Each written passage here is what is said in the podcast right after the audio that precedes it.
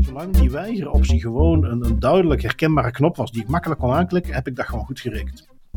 Um, want dat is in ieder geval hoe ik ook zelf, als ik op die websites kom, daar zoek ik naar. Die vind ik heus wel. Uh, als ik dan even naar vooruit kijk, om daar even op vooruit te lopen. Die zitten hun uh, aanpassen. ja, nee, ja, ja. You see what I did there. um, daar zit de aanpassen knop zit iets smichteriger weggestopt. Hallo en welkom bij Das Privé, jouw wekelijkse privacy podcast. Iedere aflevering praten we hierbij over het reilen en zeilen in de wereld van privacy. Digitale spionage, boetes, datalekken, nieuwe technologie, privacy tools, oftewel alles dat er in een week gebeurt in privacyland. Ik ben Bart van Buitenen en samen met privacy paaier Tim van Haren hebben wij het privacy nieuws van deze week gecureerd en eruit gehaald wat er echt toe doet. Deze week in Das Privé chatbots aansluiten op patiëntendossiers. Thank God voor GDPR. Of misschien toch niet helemaal. Um, we bijten ons wat vast in koekjes. Altijd lekker. En zeker als het gaat om koekjes van politieke partijen. Uh, auto's vliegen nog maar eens gruwelijk uit de bocht als het op privacy aankomt. En verzekeringsmaatschappijen vallen tegenwoordig onder de term goede doelen. Toch in ieder geval als het van de Britse biobank afhangt. Dat en uiteraard nog heel veel meer in deze aflevering van Das Privé. Um, we beginnen weer met wat kleine updatejes. Um, iets wat wij al vaak voorbij lieten komen zijn de zogenaamde WAMKA-zaken in Nederland. Dat zijn die class action lawsuits, waarin bijvoorbeeld richting TikTok uh, dan honderdduizenden ouders zich kunnen verenigen en waar ze een soort algemene claim indienen uh, van, ja, dat is ongeveer 1500 euro of uh, 1000 euro afhankelijk van leeftijd, een aantal variabelen. Uh, dan gaan ze schade claimen. Ja, het idee was heel mooi. Is ook iets wat in de GDPR op zich mogelijk wordt gemaakt. Um, en ja, goed, het, idee was toch in ieder geval zo zag ik het, als een soort extra poot naast handhaving vanuit autoriteiten, is een beetje de, de betere burgerhandhaving. We verzamelen ons, we dienen een claim in. Nou, dat is nu bij de rechter gekomen in Nederland, bij de rechtbank. Uh, die heeft daar een uitspraak over gedaan. Uh, ja, geen onverdeeld succes, zullen we maar zeggen. Uh, een paar dingen die daar uitkwamen. Ja, ten eerste, het is een beetje onontgonnen gebied. En dus de rechtbank heeft een beetje op een rijtje gezet van nou, dit is hoe je dat ongeveer moet aanpakken. En dit is hoe wij dat gaan uh, bekijken. Naar ontvankelijkheid, kun je wel een claim indienen? Waar willen we naar kijken? En als ze dat dan overlopen, dan, dan ja, lopen ze tegen een aantal dingen aan. Ze bevestigen wel dat de GDPR op zich geen blokkering opwerpt. de, de, de principe zoals ze toepassen kan op zich wel voor zo'n claim. Um, ze wijzen wel alle immateriële schadevergoeding af. En dat is een hele belangrijke. Uh, in de GDPR werd dat voor het eerst meegenomen dat je een immateriële schadevergoeding kunt eisen. Um, we hebben ook al voorbeelden gezien dat dat niet per se met een factuurtje moet zijn. Dat jij echt op die manier heel hard kunt aantonen mm -hmm. wat de schade is. Maar, zegt de rechtbank hier, feit is wel, dat moeten we individueel kunnen beoordelen. Um, tja, het is wat het is, maar het betekent natuurlijk eigenlijk wel dat het heel erg moeilijk wordt om dit soort schadeclaims zo te gaan doen. Want je moet het dus individueel kunnen staven. Dus dan, ja, de, de hele aantrekkingskracht van zo'n massaclaim is natuurlijk dat je dat efficiënter kunt doen. Um, dus ik weet niet wat het vervolg gaat zijn voor die organisaties, maar ik zou uh, mezelf iets voorstellen van dat voortaan als mensen zich inschrijven op zo'n claim, ze zelf een aantal dingen moeten aangeven, zodat je het op die manier een beetje gepersonaliseerd kunt noemen, zonder dat je echt per persoon een claim moet gaan indienen. Want dat heeft uh, de rechter nu uh, wel ja, in feite gewoon afgewezen. Dat ze zeggen van ja, dat kan niet allemaal individueel moeten beoordeeld worden. Dat kan niet in een massaclaim. Dus ja, dat is wel jammer. Um, heeft dan de materiële schade wel als ontvankelijk gezien. Maar dan gaan ze nog even weer meenemen. Dan moeten we goed gaan bekijken. Wat is dat dan precies? Want dat moet je dus mm -hmm. wel aan kunnen tonen. Um, eentje, en die hebben wij alles vaker benoemd. Die de rechter ook meegeeft. Van ja, wij zien hier wel een aantal van de twee van de claimstichtingen. Die zijn voorlopig niet ontvankelijk. Want de oprichters, ja, daar zit toch wel een hele zware vermenging tussen degene die de claim financieren en de invloed die ze hebben op de stichtingen zelf en de juridische strategie erachter. En dat vinden ze niet kosher. Goed, dat staat niet zo letterlijk in het uh, verslag, maar daar komt het eigenlijk op neer.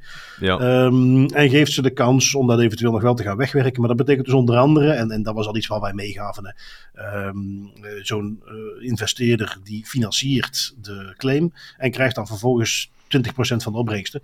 Ja, potentieel ging dat om een inleg van uh, een paar honderdduizend euro en een return van enkele miljoenen. Nou, de rechter heeft nu gewoon heel simpel gezegd: maximum 5% van wat je inlegt is je return. Um, natuurlijk, ik bedoel, uh, zie je het op de beurs maar eens te halen, maar uh, nog steeds een hele andere orde van grootte. En dat gaat misschien ook, want veel van die claims ook buiten Nederland, dan weet ik dat men werkt met investeerders om dat te financieren, want ja, het is gewoon heel erg duur om dat allemaal op poot te zetten, het duurt ook lang. nou, daar wordt hier dus een beetje een rem op gezet.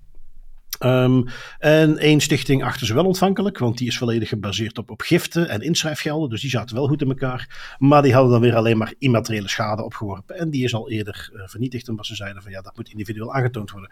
Dus, lang verhaal kort. Mooi idee, slechte uitvoering en dus een beetje een soft. Het was natuurlijk een beetje pionieren. Uh, dit moeten we doorgaan om tot een, betere manier te komen, maar uh, daar gaat dus voorlopig niet veel van terechtkomen. Nee, het is dat uh, heel veel van die WAMCA-claims waren inderdaad, dat hebben wij ook al een paar keer gezegd, denk ik, het gevolg van het feit dat je gewoon, om het heel cru te zeggen, maar wat kon doen en de, de guardrails, de vangrails er nog niet waren.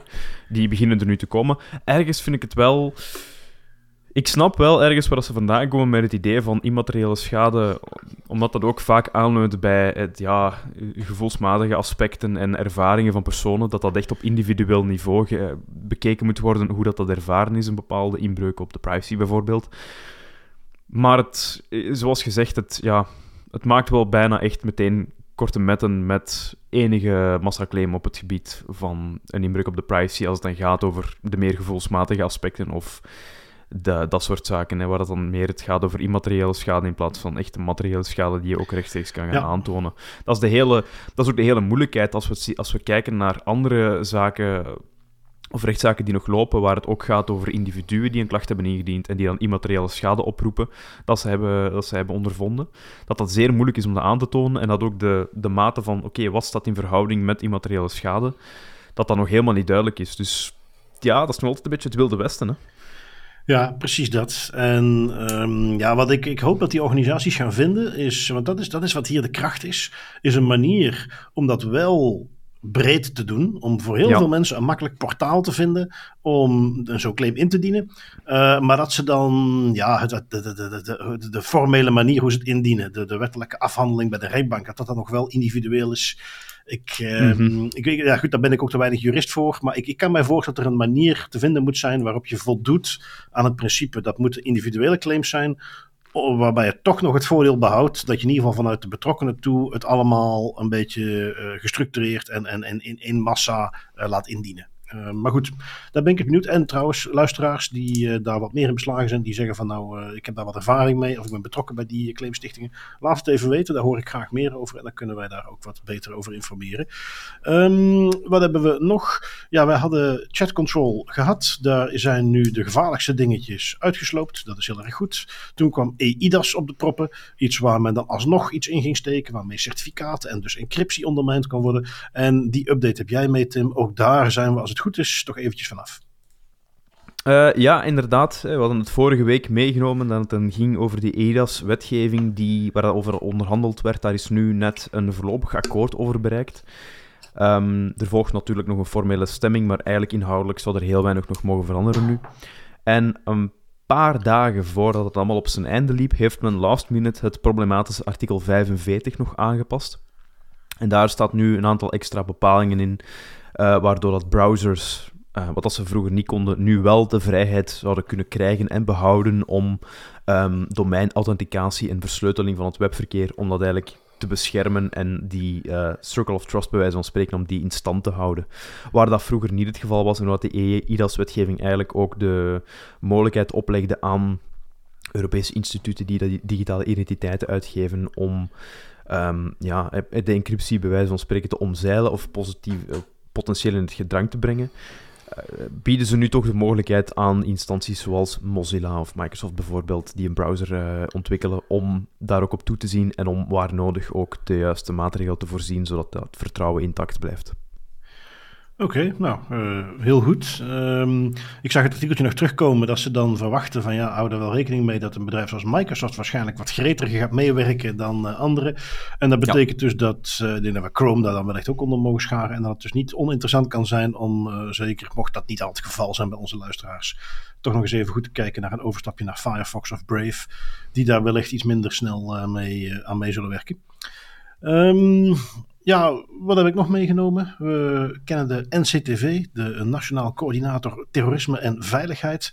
Um, bij ons vaak vooruitgekomen of meegekomen omdat zij allerlei monitoring deden, mensen in de gaten hielden en zichzelf surveillance taakjes toebedeelden die in de wet eigenlijk nooit voorzien zijn. Um, waarom kom ik daar nu op terug? Omdat het uiteindelijk gaat om het verzamelen van gegevens die niet noodzakelijk zijn, die niet binnen jouw wettelijke taken passen. En dat helpt om bepaalde dingen te voorkomen. Zoals, en daarom heb ik ze nu meegenomen, medewerkers die door de politie zijn aangehouden voor het lekken van staatsgeheimen naar Marokko.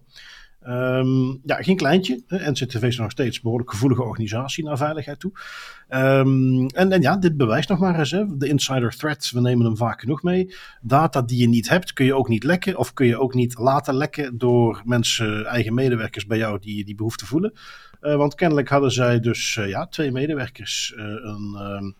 Uh, een tolk en analist met een Marokkaanse achtergrond. Dat is iets wat in deze context toch best relevant is om erbij te vermelden. Dus dat snap ik wel als ze dat doen. Um, ook hier weer overigens uh, dat bij de politie al eerder bedenkingen waren over die persoons integriteit. Er zou in 2021 al waarschuwingen zijn gekomen.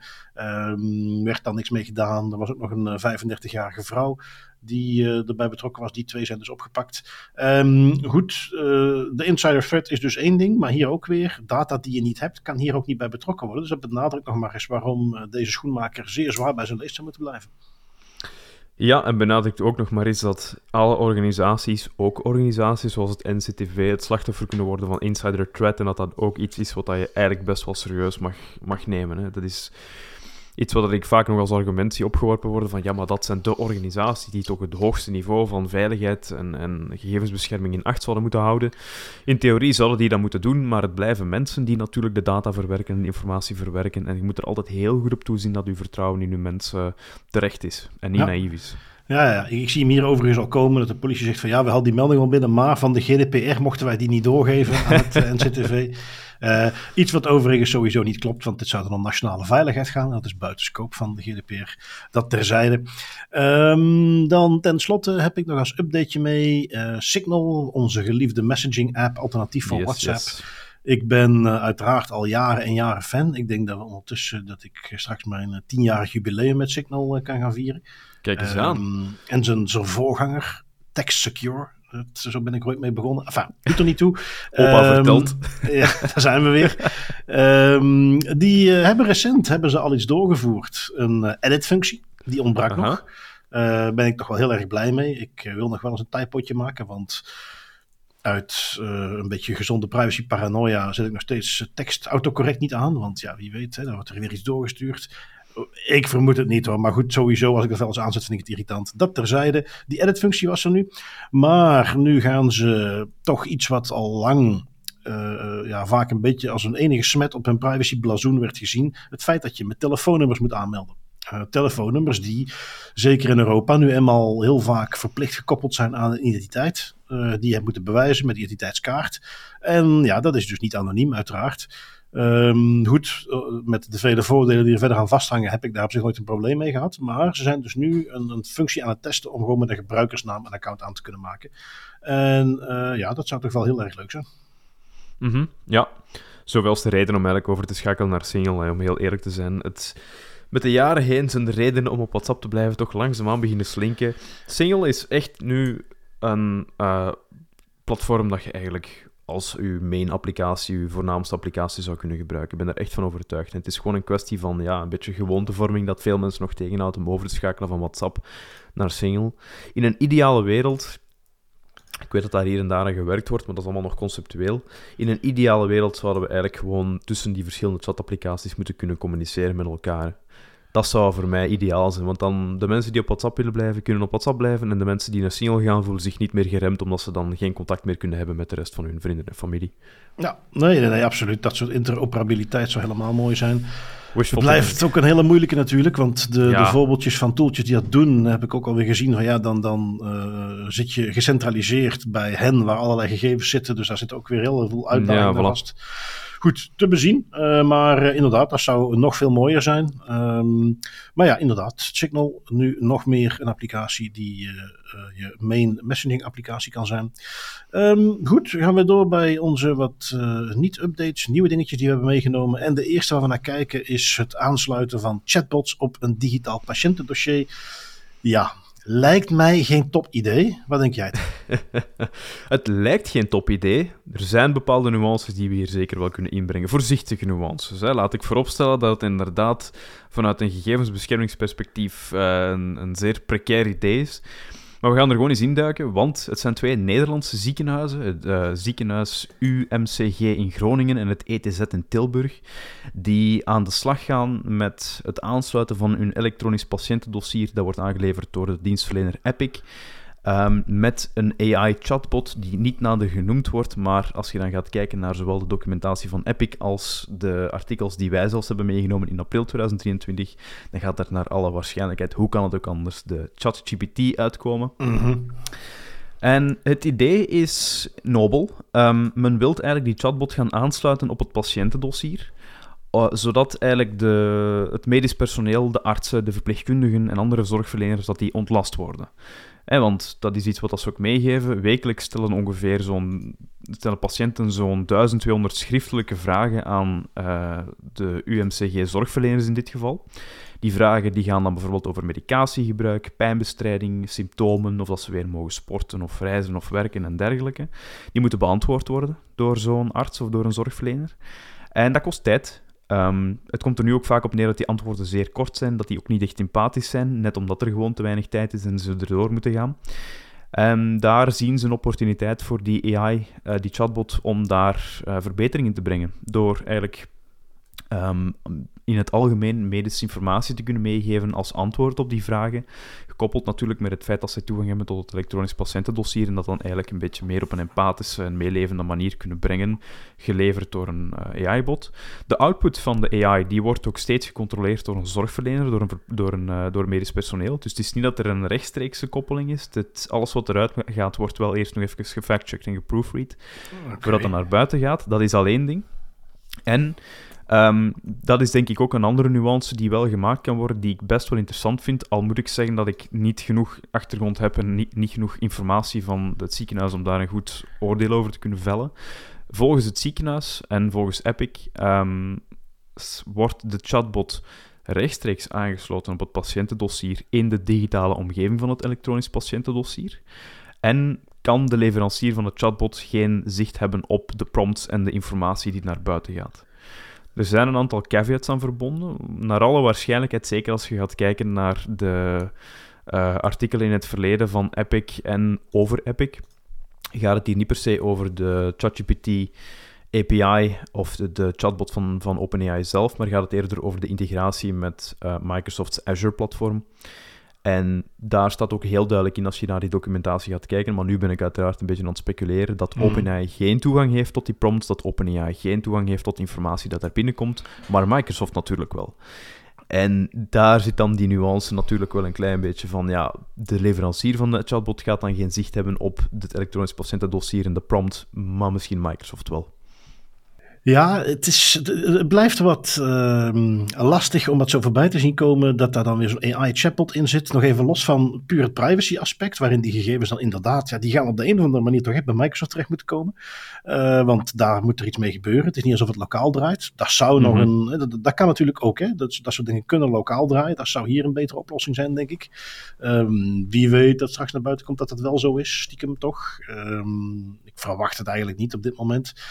Um, en daarnaast, ik hoor jou wel zeggen, die dingen worden nog steeds gevalideerd voordat ze de deur uitgaan. Ja, wat heeft het nog voor nut dan? Uh, want dit gaat nou net om, om hele simpele dingetjes. Ik hoor medicatiegebruik, Wanneer mag ik weer sporten? Wanneer mag ik meer gaan werken? Ja, dat zijn dus dingen die voor de betreffende arts een kwestie zijn van eventjes in het dossier kijken en dan zeggen, oh ja, dat is dit en dit. Als je dan vervolgens nu, ja, misschien dat daar een heel klein beetje winst zit te halen. Dat je moet het dossier zelf niet meer openklikken, maar je kunt nu gewoon in de interface zeggen van ja, uh, chat, GPT, dit is uh, goed. Ik weet het niet. Ik, um, ik krijg weer het gevoel van men is weer heel gretig om er een AI in te knallen, maar hoeveel levert het nou echt op? Ik zou Persoonlijk zou ik ook veel liever een onderscheid zien tussen echt administratieve dingen waarbij het gaat om, om afspraken, waarbij het gaat om dingen waar de gevolgen gewoon minimaal zouden zijn. Want hier ook weer pijnbestrijding is wat ze zeggen. Ja, um, uh, dokter Chatbot, uh, mag ik niet twee van die pilletjes pakken? Nou, en dan hopelijk zegt dokter Chatbot: nee, nee, nee, twee pilletjes overschrijdt uw medicatie, want dat is dan ingebouwd. Dan zegt ze: ja, maar wat als ik ze nou in vieren deel? Nou ja, en we hebben wel vreemde hallucinaties gezien, uh, ook basic telsommetjes. Dus ja, wie weet dat dat dan toch weer. Hè, dan, dan zegt hij: ja, als ik ze nou in vieren deel, dan is het toch maar iedere keer weer 100 milligram. Oh ja, ja 100 milligram is oké. Okay. Uh, zoiets. Ja, ja, ja. Dus ik weet het niet. Het zal wel getest zijn, mag je dan hopen. Daar zou ik als, als DPO bij dat ziekenhuis toch heel erg benieuwd naar zijn. Um, en ja, persoonlijk zou ik liever zien, uh, maar goed, je weet bij dit soort artikelen tegen dat ze het nieuws komen en tussen wat men daadwerkelijk doet, daar wil nog wel eens een verschil zitten. Ik hoop dat dat zich toch echt beperkt tot dingen waar uh, hallucinaties en fouten uh, geen hoge risico's in hebben. Ja, um, ik denk wel dat ze het uitvoerig getest hebben, omdat de artikelen die, die wij hebben meegenomen in april 2023, die gingen dan specifiek over eigenlijk bijna exact dezelfde uh, implementaties van chatbots en die aansluiten op patiëntendossiers, maar in Amerika, want ja, uiteraard in Amerika kun je dat veel sneller uitrollen, zo'n dingen, en stelt men zich daar veel minder lastige vragen over. Maar ja, inderdaad, er blijven vraagstukken komen. Nu, om even terug te duwen natuurlijk op vlak van, is het nuttig? Ik gebruik zelf um, ChatGPT ook heel erg veel. Ik let er uiteraard ook altijd heel op met wat ik daarin steek. Mm -hmm. Maar um, ik moet toegeven, het, het kan wel echt een timesaver zijn als het gewoon gaat over het samenvatten van teksten of het schrijven van teksten in een bepaalde stijl of in een meer empathische stijl. Um, ik ben iemand die bijvoorbeeld als het gaat aankomt op het schrijven van e-mails of het schrijven van, van summaries, ik durf dat wel eens te overdenken en dan verlies ik daar tijd mee. Terwijl als ik gewoon zeg van dit zijn de dingen die erin moeten staan, zet het er eens in. Ik kan me voorstellen als arts, als je een, een stuk of 50 berichten op een, op een uur moet antwoorden, dat dat wel handig kan zijn als iemand voor jou al het voorbereidend werk doet, dat jij dat even moet valideren. Ik zie wel voor me dat ik al de hele ChatGPT-stijl in die antwoorden terug zie komen. um, Hi, patient. We're thrilled to announce that we embark on this journey to help you in your customer question. Dat soort. Ik, op een gegeven moment de stijl van die ChatGPT-antwoorden. Uh, als je veel op LinkedIn zit, dan heb jij al heel veel ChatGPT-antwoorden oh, ja. voorbij zien komen. Of posts. Nu goed, um, eentje om op te volgen. Het is leuk. Uh, uh, kijk, we moeten, daar wil ik wel benadrukken. Dat is ook de insteek die wij altijd hebben. Dit is innovatie, dit is nieuwe technologie. Hier zit voordeel in. we moeten gewoon met gepaste voorzichtigheid vooruit gaan. Um, ja, en nou ja, laten we ze het voordeel van de twijfel geven. En dat we niet over twee jaar dit meenemen en moeten zeggen van kijk, weet je nog, nou hier zijn de eerste voorbeelden van hallucinaties door ChatGPT, waar de patiënt uh, daaronder heeft geleden. Laten we hopen dat ze dat er netjes uithalen. Um, gaan we door naar iets, nog ietsje dichter bij huis. Want ja, het is natuurlijk verkiezingstijd. Um, we hebben dat de vorige podcast al aangehaald dat men in Nederland een onderzoek deed. En toen zei ik nog van, goh, eigenlijk zouden we dat hier ook wel eens kunnen doen. En niet veel later dacht ik van, ja, eigenlijk moet ik de daad gewoon even bij het woord voegen, want dat is niet zo heel moeilijk vast te stellen. Um, zeker niet omdat wij in België maar een stuk of zes, zeven partijen hebben, toch Vlaams, uh, Vlaamse partijen. Dus dat is ook aanzienlijk makkelijker dan de, de wat is het, 627 uh, die ze in Nederland hebben. Dus ik heb het er even bij gepakt. Uh, we hebben daar ook een artikeltje over gepubliceerd op de website. Um, dat, uh, ja, de context was dan uh, koekjes van Vlaamse politieke partijen. En um, we hebben relatief simpel, hebben wij gewoon naar de websites gegaan van die politieke partijen, de hoofdpagina's. En daar hebben we gewoon even gekeken. Oké, ik kom op die pagina. Wat wordt er nu al op mijn toestel geplaatst? Er zijn technieken om dat te doen met geautomatiseerde tools. Ik heb daar bewust niet voor gekozen en ik ben gewoon heel manueel in de browser gaan kijken wat zegt die browser mij nu, nu ik op die pagina kom, dat er aan cookies zijn geplaatst. Op een clean install van Chrome, iets wat ik alleen maar gebruik voor precies dit soort dingen. Dus daar ben ik nog nooit op die politieke partij websites geweest. Ik heb daar geen enkele plugin op zitten. Dus ik ga gewoon met een, zoals dan zo mooi heet, vanille browser, ga ik naar die pagina's toe en ik kijk wat voor cookies worden er nu bij mij neergezet. Mhm. Nou, er waren er een aantal. Uh, en we hebben natuurlijk het linkje naar het artikel waar alle resultaten helemaal in staan. Maar om even de highlights te geven. In uh, alfabetische volgorde. CD&V had op zich een prima cookie banner. Maar vliegen daarna gierend uit de bocht door meteen 26 cookies te plaatsen. Ook al kies ik voor weigeren. Um, daar zitten dan de toppers in, zoals Facebook, Hotjar, DoubleClick, Google Analytics. Dus ja, een, een absolute puinhoop. Um, Groen deed het naar puur aantallen beter. Maar zij waren een van de weinigen wiens cookie banner gewoon helemaal verkeerd is. Um, als je op hun pagina komt, heb je natuurlijk een grote knop alle cookies accepteren. En dan heb je heel kleintjes onderin heb je een voorkeuren aanpassen uh, optie. Ehm, die je dan goed moet zien, want die is helemaal niet goed op te merken. Ehm, en vervolgens komen er uh, cookies van Google Analytics die niet noodzakelijk zijn, worden daar geplaatst. Um, ik heb vervolgens wel gezien, uh, of daar niet gezien, ze hebben mij daarna gecontacteerd, uh, Groen, die, dat is net vanochtend zelfs, voordat wij opnamen. hebben ze gezegd van ja, we hebben nu dingen aangepast, kun je even kijken. Uh, dus ik ben gaan kijken. Um, ja, wat hebben ze dan gedaan? Uh, het uh, stukje, je hebt dan die grote groene knop. En als je even op de website meekijkt, kun je het makkelijker volgen. Maar die hebben die grote groene knop, alle cookies accepteren. En dan hebben ze dus dat kleine stukje met voorkeuren aanpassen, waar je dan op moet klikken. En dan kun je dingen aanpassen. Wel, dat hebben ze nu een beetje groter gemaakt. En ze hebben er een lijntje onder gezet. Um, dus oké, uh, strikt genomen valt het nu beter op. Uh, maar nog steeds is het geen rechtstreekse weigeroptie. Nog steeds is het natuurlijk een beetje trucage. Um, ik heb nu wel gekeken, die Google Analytics cookie, die zag ik niet meer staan. Dus dat hebben ze wel aangepast. Uh, dus het is zeker verbeterd. En dat heb ik zo teruggekoppeld. Ik heb ook even netjes gezegd van, nou, volgens mij zouden jullie deze en deze dingen nog moeten doen om het wel beter te maken. Um, dan gaan we even verder. We hebben de NVA. De NVA hebben een beetje een vreemde cookie banner. Um, ik heb hem afgekeurd. Als in, ons artikel staat een rood kruisje. Omdat de keuze om geen cookies te plaatsen, die hebben ze genoemd uh, mijn keuzes bevestigen. Maar als je gaat kijken wat er dan gebeurt, is dat eigenlijk de alles weigeren optie. Dus strikt genomen zit het eigenlijk goed in elkaar. Er worden ook geen cookies geplaatst. Alleen het is zo verwarrend benoemd dat ik hem in onze test toch fout heb gerekend. Maar vervolgens, als je dan die keuze maakt, dan worden er effectief geen uh, niet-essentiële cookies geplaatst. Mm-hmm. Um, OpenVLD, voor mij, uh, laten we even duidelijk zijn, geen perfecte score, want er zit helemaal niks van een vorm van tracking op. Maar rond cookies doen die het goed. Goede cookie banner. Um, uh, wat mij betreft. En ze plaatsen dan ook niks als je het weigert. Nog één nuance die ook online al gemaakt werd. Uh, ik ben in mijn uh, verificatie van is de cookie banner goed iets minder streng dan de GBA. Als ik bijvoorbeeld gewoon op de eerste laag, als ik op een webpagina kom, een, een goed herkenbare weigeren knop zie, dan vind ik het goed. Um, waar de GBA zegt van nee, nee, dat moet 100% neutraal zijn. Dus als de ene knop alles accepteren een volle kleur heeft die wat meer opvalt en de alles weigeren optie valt iets minder op, ja, dat vinden wij al niet goed genoeg. Nou, dan ben ik, zolang die weigeren optie gewoon een, een duidelijk herkenbare knop was die ik makkelijk kon aanklikken, heb ik dat gewoon goed gerekend. Um, want dat is in ieder geval hoe ik ook zelf, als ik op die websites kom, daar zoek ik naar. Die vind ik heus wel. Uh, als ik dan even naar vooruit kijk, om daar even op vooruit te lopen. Die zitten hun uh, aanpassen. ja, nee, ja, you, see what I did there. um, daar zit de aanpassen knop zit iets smichteriger weggestopt. En dan keur ik het niet goed. Maar zolang er gewoon een duidelijke knop is waar ik makkelijk op kan klikken, vind ik het prima. Um, de P van de A. Uh, die hebben een goede cookie banner, maar plaatsen vervolgens toch wat HubSpot en Google Analytics cookies, ook al als je weigert. Natuurlijk niet goed. Vlaams Belang hebben voor mij ook een degelijke cookie banner, plaatsen vervolgens cookies en ook wel van Google, maar ik ben die even gaan opzoeken en dat zijn, voor zover ik uh, in de documentatie kon nalezen, uh, cookies die nodig zijn om cross-site scripting tegen te gaan, om voorkeuren ja. op Google Search tegen te gaan. Dus daar zie ik ook geen probleem. Uh, ja, vooruit benoemde ik al, die plaatsen op zich geen uh, stoute cookies. Cloudflare Nation Builder, dat is de naam van het platform wat heel veel politieke partijen gebruiken. Daar komen wel cookies van binnen, maar daar kan ik niet met zekerheid van zeggen dat dat stoute cookies zijn. Dat kunnen perfect uh, onschuldige cookies zijn. En het onderzoekje wat ik ernaar kon doen om die cookies te traceren, gaf mij geen aanleiding om te zien dat daar iets stouts in zit. Um, dus ja, dan kunnen wij samengevat zeggen, Vlaams Belang Open VLD, die kregen twee groene vinkjes. Groen kreeg als enige geen groen vinkje. Uh, dat gaan ze ook na de aanpassingen nog niet krijgen. Uh, en CD&V is degene die gierend uit de bocht ging, omdat zij 26 cookies plaatsten.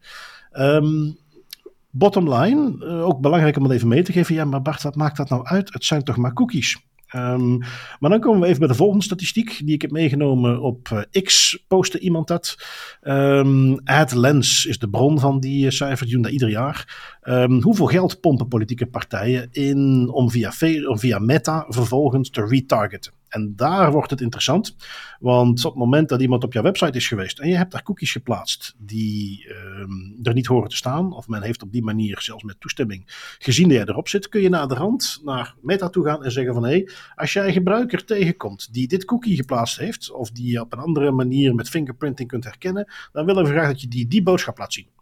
En daar zitten genoeg technologieën achter die uh, toeltjes dat ze bijvoorbeeld ook zouden kunnen bijhouden. Op welke pagina is iemand geweest? Ah, die heeft interesse in onderwijs wel. Dan willen we dat je die specifiek dit laat zien. Um, en dat is waarom er wat uh, ook vanuit Europese voorstellen, wetgeving wordt naar gekeken om die politieke reclamemogelijkheden wat aan, banje, aan, banden te leggen. Want dit gaat neigen naar politieke beïnvloeding. Uh, waar je vroeger een billboard had uh, langs de kant van de weg, waar de NVA zegt wij zijn top. En dan zeg je, goh, zijn jullie top? En dan ga je het partijprogramma eens bekijken.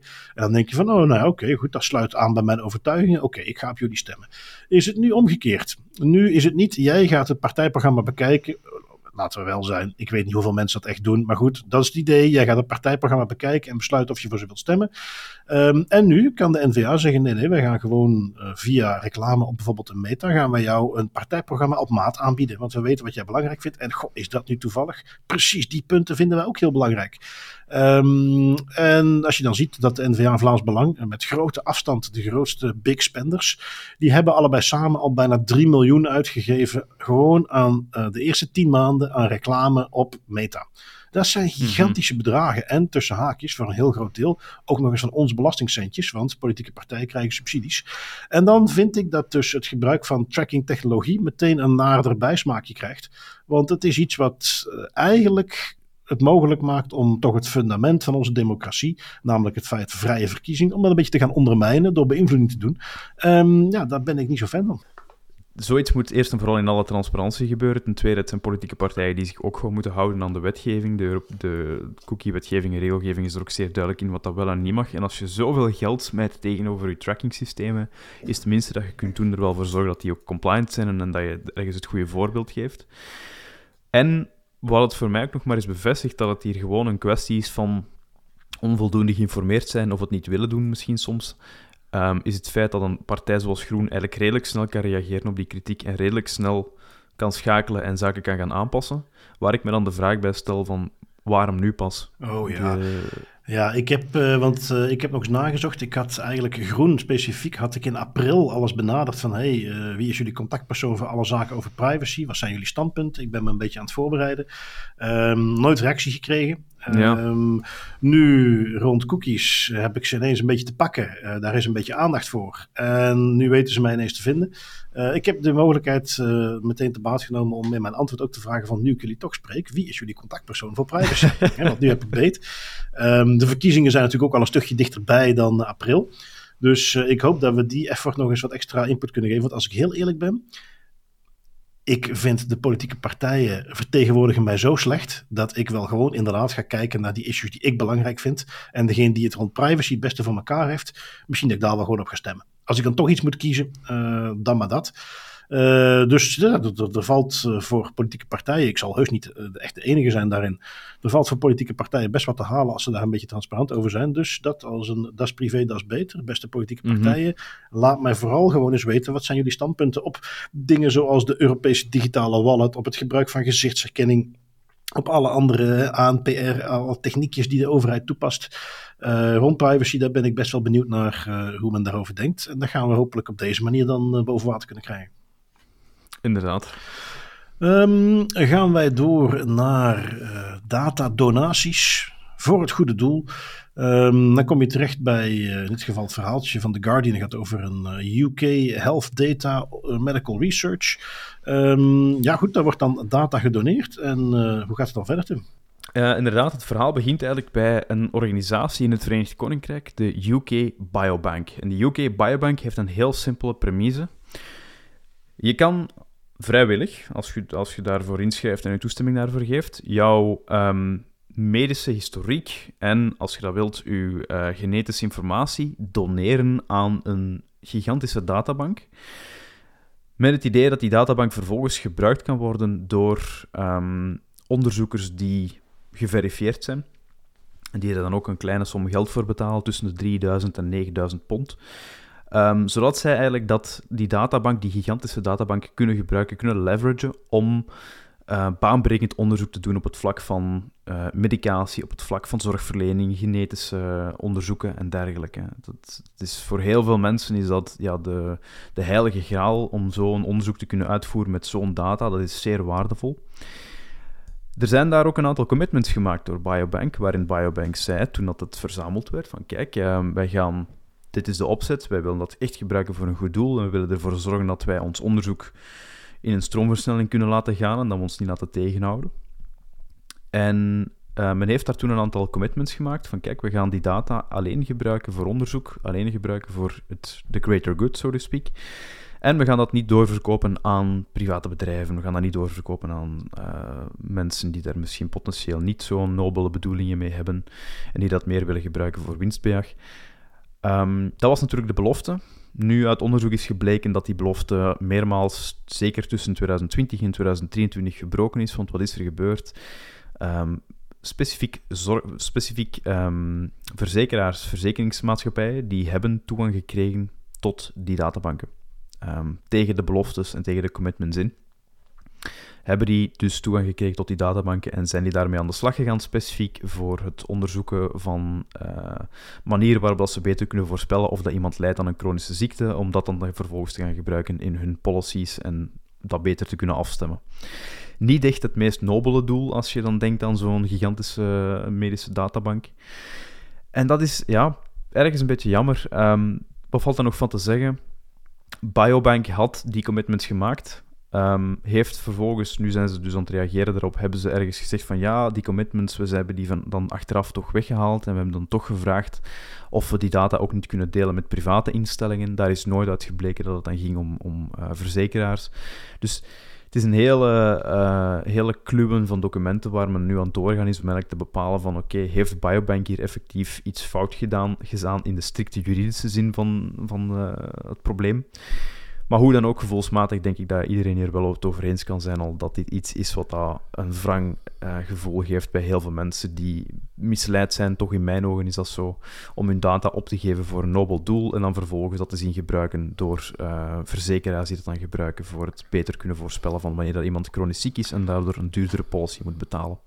Ja, en ik sprong wat op een paar gedachten als ik het artikeltje las, want ergens verderop komt dan terug dat Biobank geeft als verklaring mee van ja, kijk, die, die beloftes die we hebben gedaan, ja, dat ging over persoonsgegevens. Um, en daar kom je misschien op een klein beetje juridische acrobatiek in de zin dat uh, mensen denken mijn data wordt nooit doorgegeven en dat Biobank zegt nu van ja kijk, het werd geanonimiseerd doorgegeven. Nu, dan denk ik meteen, ja, geanonimiseerd is geanonimiseerd. Dan zijn het niet meer jouw gegevens, dat is de definitie van geanonimiseerd. Het is niet meer tot een individu te herleiden. Um, dus ja, eh, misschien niet goed gecommuniceerd, maar ik zie het probleem niet meteen. Maar dan denk ik nog even één seconde langer na en dan weet ik dat in die medische sector als het gaat om gegevens waar bijvoorbeeld verzekeringsbedrijven of misschien zelfs de pharma interesse in hebben, ja, dat die in het beste geval gepseudonymiseerd zijn. Dat dat geen mhm. gegevens zijn die echt anoniem zijn. Um, en daar vrees ik hier dan een beetje voor. Um, en, en daar zie je wel, uh, want dat is gewoon gekend, die verzekeringsmaatschappijen, ook in de farmawereld, ja, die hebben gigantische databanken aan data. Als die een bepaalde set aan gegevens krijgen, die misschien gepseudonymiseerd is, als zij die gaan matchen met al die andere data die ze hebben, is het, is het best waarschijnlijk dat zij die weer kunnen koppelen aan individuen. Nou, en dan wordt het echt een groot probleem. Um, dus ja, uh, laten we even proberen om ook de, de das privé, das beters mee te geven duidelijk communiceren. jij kunt niet, eh, zoals ze zelf zeggen, 17 jaar in leaflet zeggen: wij gaan nooit data verkopen aan verzekeringsmaatschappijen. Terwijl je eigenlijk bedoelt: ja, maar we gaan wel jullie data anonimiseren en doorverkopen. Juridisch is dat misschien iets wat wel kan, maar daar kun je best transparant over zijn. En ik maak meteen de kanttekening dat ik heel erg bang ben als ik dat zo hoor, dat die uh, anonieme gegevens eigenlijk niet zo heel anoniem zijn. En dan zitten we natuurlijk weer gewoon met een, een lekker ouderwets uh, datalekje en een risico. Ja, inderdaad. Ik, ik spring even voor op een van de artikels die we nog gingen meepakken, maar ik ga het eigenlijk nu gewoon meepakken. Het is iets wat dat, uh, de Electronic Frontier Foundation eigenlijk ook nog zei, hè, van het anonimiseren van gegevens mm. met de data die tegenwoordig rondslingert en in allerhande databanken en inderdaad, Bart, volledig terecht, zeker bij verzekeraars, um, in handen is. Het is heel moeilijk om te kunnen spreken van een echte anonieme set gegevens waarin dat je er 100% zeker van bent dat mocht daar nog zoveel data aan koppelen als dat je wilt. Je kunt er niemand uit identificeren. Heel moeilijk. Daar komt er nog eens bovenop dat het hier ook gaat in die biobank over uh, ook wel best veel genetisch materiaal, DNA. Ehm, maar sowieso intrinsiek, DNA maakt je uniek. Ja, dan zit je eigenlijk al terug ten hoogste bij gepseudonymiseerde gegevens. Dus dat is iets wat dat al heel lang speelt. Het idee van, we benoemen het een anonieme set gegevens en dan kunnen we er alles mee doen, maar eigenlijk in de praktijk blijkt dat toch niet zo anoniem te zijn, is echt een probleem dat uh, keer op keer blijkt. Nee, dat is iets waar ik trouwens nog wel een, uh, een trend zie, uh, omdat die discussie zo vaak voorbij komt. Dat is organisaties die als specialisatie hebben data te analyseren en gewoon te gaan verklaren, ja, dit is anoniem. daar zie je nu nog redelijk weinig. Uh, maar een soort certificaat in die context, dat lijkt me eigenlijk best wel interessant. Dat, dat zie, iets wat ik nog wel zie gebeuren. Dat is ook iets dat we nodig gaan hebben, want uh, uh, we zijn allebei DPO. Ik ben al in situaties geweest waarin ik moet gaan beoordelen, is deze data anoniem? Waarbij ik zeg van, goh, dit lijkt goed gedaan, maar laat ik heel eerlijk zijn, als je er maar genoeg data bij gooit, ik weet het niet. Um, en dus op dit moment, tenzij het echt heel belangrijk is, dan is uh, wat ik wel eens meegeef, soms is het beste advies dat je als DPO kunt geven, is dat iemand anders een advies moet geven. Namelijk iemand die gespecialiseerd is om te gaan bepalen, is deze dataset echt wel of niet anoniem. En daar kunnen we zeker in de medische context, is dat iets waar we waarschijnlijk nog wel eens uh, meer naartoe zullen gaan. Ja, wat men ook nog, um, dat kan ik nog kort meegeven, dat is iets wat ik recent heb gezien.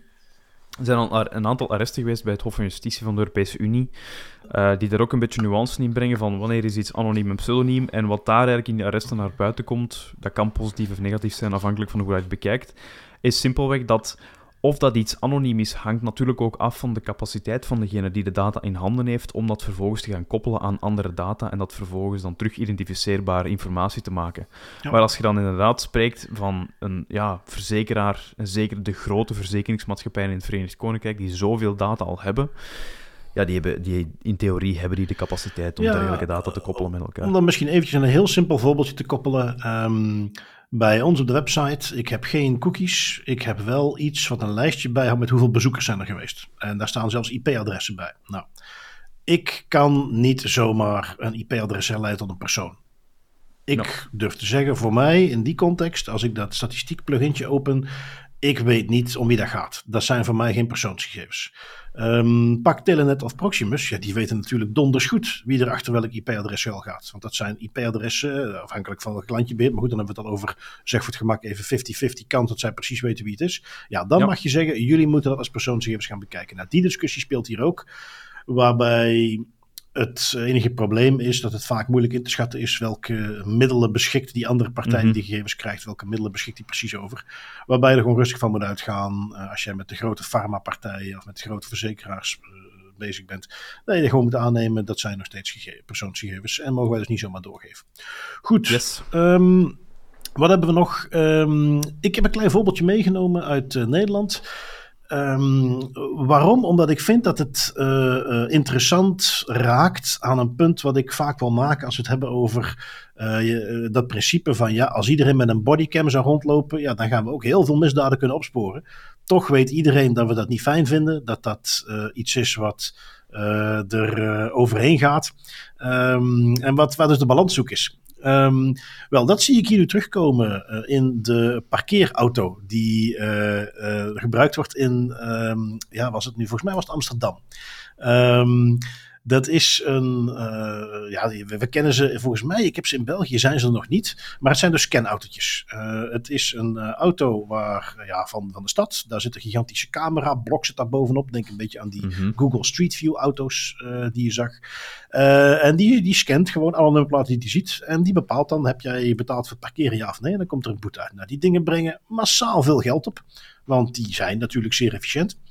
Um, maar betekent dus ook, en dat is het punt dat ik wil gaan maken, um, er zijn in zo'n stad ook heel veel mensen met parkeervergunning. En die parkeervergunningen moeten hernieuwd worden. Die parkeervergunningen moeten soms uitgebreid worden. Die parkeervergunningen moeten, als jij verhuist, moeten misschien voor een ander deel van de stad aangevraagd worden. Er is dus een heel groot deel van de mensen die dat meemaakt, die daar iets mee moet doen. En die vervolgens uh, in een paar dagen tijd vier, vijf, zes van die boetes binnenkrijgt. Want ja, dat scanautootje blijft lustig rondrijden. En die scant iedere keer die parkeerboetes. In de meeste gevallen, zegt ook de ombudspersoon uh, van de stad, uh, is dat iets wat dan wel terug te draaien is. Na maanden tijd en heel veel brieven op en neer schrijven kun je die boetes laten kwijtschelden. Um, maar dit vind ik dus een mooi voorbeeldje van, ja, dus hoe ver willen we daarmee gaan om de burgers op die manier in de gaten te houden? Je weet dat je iedere scheet die je fout doet, krijg je meteen een boete. Dat gaat jou heel veel moeite kosten om die recht te zetten. Um, en laten we het niet vergeten, de oorspronkelijke doelstelling, we willen dat mensen gewoon goed parkeren, wordt niet bereikt. Hè? Uh, er wordt gewoon de kas wat flink gespekt. Maar het is niet zo alsof het uh, parkeerprobleem is opgelost. Um, en, en daar slaat men dus wat in door. En daar zie ik dus een mooi voorbeeldje van iets van: oké, ja, strikt genomen zijn er op dat moment zijn er overtredingen. Dus je zou kunnen zeggen: de overheid mag toch alle middelen inzetten om iedere mogelijke overtreding te gaan aanpakken. Maar daar zit een keerzijde aan. En nu hebben we het over parkeerboetes. Maar hetzelfde principe zou je op allerlei andere manieren kunnen doorvoeren met ANPR-camera's die iedere mogelijke overtreding eruit gaan halen. En dan kom je dus op een gegeven moment in een soort surveillance maatschappij waarbij iedere burger weet, iedere verkeerde zet die ik doe, daar word ik op aangepakt. En dan kom je dus dat men zo mooi in surveillance studies noemt het chilling effect. Het feit dat mensen zich niet meer vrij voelen in de openbare ruimte. Het feit dat als zij zich gewoon bewegen, uh, rondlopen, dat ze zich ja, eigenlijk een beetje onderdrukt voelen. En wat voor effect heeft dat op een maatschappij? Um, ja, dat is iets waar ik, waar ik vaker over nadenk en waar ik dit nu eens een mooi voorbeeldje van vind. Mm Ja, dat is iets wat eigenlijk puur uit mijn persoonlijke ervaring in lijn ligt met een evolutie die ik heb gezien de voorbije jaren als je in steden rondrijdt of ook gewoon in, in, in gemeentes. Men plaatst overal camera's, men plaatst overal scanwagens en ehm, de dingen die effectief bijdragen aan het probleem gaat men, of, die effectief bijdragen aan een oplossing, die gaat men soms zelfs weghalen om daar dan vervolgens surveillance uh, technologie te gaan neerpoten. Een heel praktisch voorbeeld dat de meeste mensen denk ik in België wel hier en daar al eens gezien hebben, is zo het idee van um, obstakels op de weg bijvoorbeeld die dan weggehaald worden, waar dan een, een flitscamera wordt gezet in de plaats, alsof dat, dat dan het probleem gaat oplossen. Ja. Um, ik denk dat dat inderdaad een, een vraag is die gesteld moet worden bij de inzet van heel veel van dat soort technologieën, zeker als het aankomt op het plaatsen van die technologieën in, in toch wel de publieke levenssfeer, is men wil daar een probleem mee oplossen. Het brengt veel geld op, dat is natuurlijk heel fijn, maar laten we dat even naast ons leggen en laten we gewoon eens kijken naar heeft die inzet van die surveillance technologie, of van die scanwagens in dit geval, heeft die een positieve impact gehad op de maatschappij? Heeft die ervoor gezorgd dat er minder auto's op de verkeerde momenten geparkeerd staan of fout geparkeerd staan? En als men achteraf blijkt, onafhankelijk van hoeveel geld dat dan in het laatje brengt, maar als, als men achteraf kijkt van ja, nee, eigenlijk niet, het probleem is helemaal niet opgelost, dan moet men eens nadenken of dat wel proportioneel en noodzakelijk is dat men op die manier te werk gaat. Want dat het veel geld in het laatje brengt, mag daar geen argument in zijn. Het gaat gewoon puur over lost het het probleem op of niet? En ik denk dat die evaluatie nog veel te weinig wordt gedaan, of zelfs niet. Nee, absoluut. Um, goed, dan uh, gaan wij door naar een uh, volgend dingetje wat we hebben meegenomen. Uh, ons goede thank god voor GDPR moment. Um, jij hebt hem even meegenomen, Tim. Dit is uit Amerika. Um, en die heeft, heeft een rechter iets gezegd over een class action lawsuit tegen een aantal autobedrijven. wat was de uitkomst daarvan? De uitkomst was niet zo goed voor privacy. Um, dat was een class action lawsuit tegen Honda, Toyota, Volkswagen en General Motors voor het, um, toch volgens de, de slachtoffers, het overtreden van de Washington State's privacy uh, laws. Ja, die, die uh, privacywetgeving, zeker op statelijk niveau, die zijn al niet zo echt heel sterk. En dat wordt nu ook nog eens bevestigd door de rechter, een federale rechter in Seattle. Uh, want die heeft geoordeeld dat die uh, class action lawsuit die ging over het feit dat uh, sms-berichten en de call logs van uw gsm gedownload werden via het infotainment system van uw, van uw voertuig.